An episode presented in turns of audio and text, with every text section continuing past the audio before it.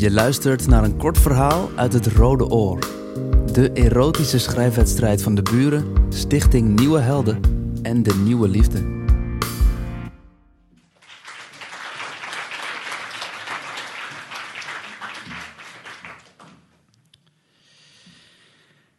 Het zeegroene bord waar haar derde gang op had gelegen was al een tijdje leeg.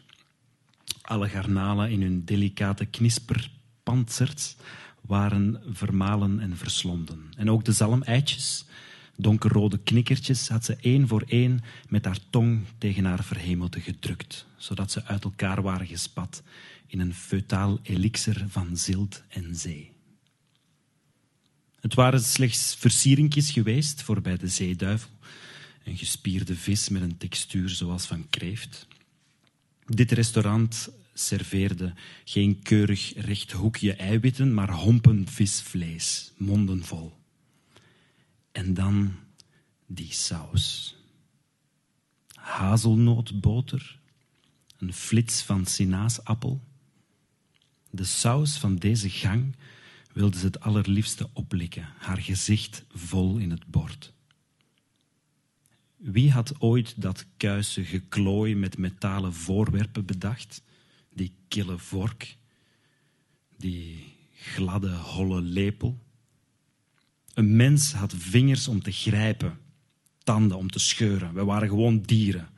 Ook al probeerden we dat te verhullen met stropdassen, lakschoenen en tafelmanieren. Eigenlijk at ze al jaren niet meer, ze proefde alleen nog. Speurde naar fouten om haar recensies te kunnen schrijven. Eten was werk geworden, functioneel, voorspelbaar. Maar hier, nu, deze gerechten. Gang na gang, bravoure en perfectie. Ze bestudeerde de restjes op het glazen bord en trok snel haar zwarte zijden handschoenen uit die al twaalf jaar haar handelsmerk vormde. De high buy met de handschoentjes.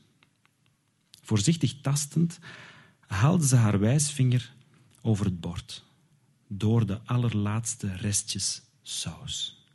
Ze rook aan haar vingertopje, snoof, likte. Lieve God, dit was liefde in sausvorm. Ze haalde twee vingers over het bord haar wijsvinger en middelvinger dit keer. Ze dweilde de laatste druppels bij elkaar tot er geen molecuul meer over was. Zoog aan haar vingers. Kreunde. Alles was nu echt verdwenen.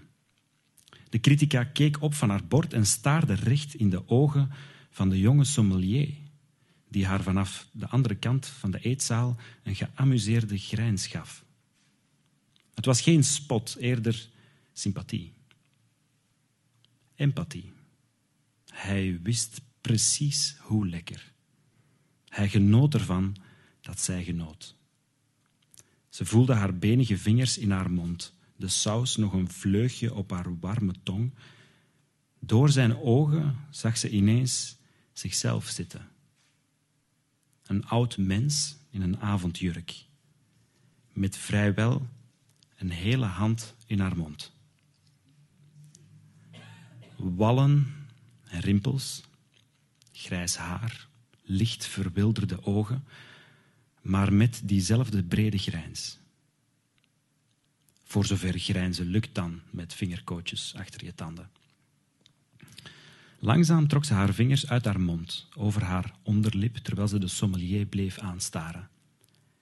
Hij keek nog steeds. Zijn grijns breder nog, ze legde haar hand weer naast het bord, bovenop haar zwarte handschoentjes. En hij kwam naar haar toe. Zwenkte sierlijk om de andere obers en serveersters heen en stond plots naast haar.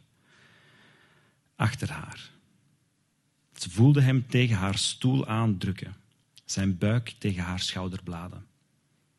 Hij boog over haar heen en negeerde alle etiketten liet van grote hoogte een stroom muscadet, sèvres et main sur lit in haar glas klateren. Ze zag een randje van haar rode lippenstift op het glas. Zag boven haar grijze hoofd zijn hand de wijn uitschenken, veel te gul. Te veel. Ze voelde zijn adem, zijn grijns.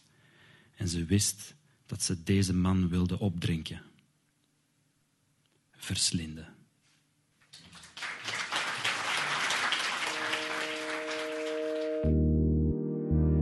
Je luisterde net naar een kort verhaal uit het Rode Oor. De erotische schrijfwedstrijd van het Vlaams-Nederlands Huis De Buren, Stichting Nieuwe Helden en De Nieuwe Liefde. Op deburen.eu slash het Rode Oor vind je meer informatie over het project, over de wedstrijd en kan je alle erotische verhalen van het Rode Oor lezen en luisteren.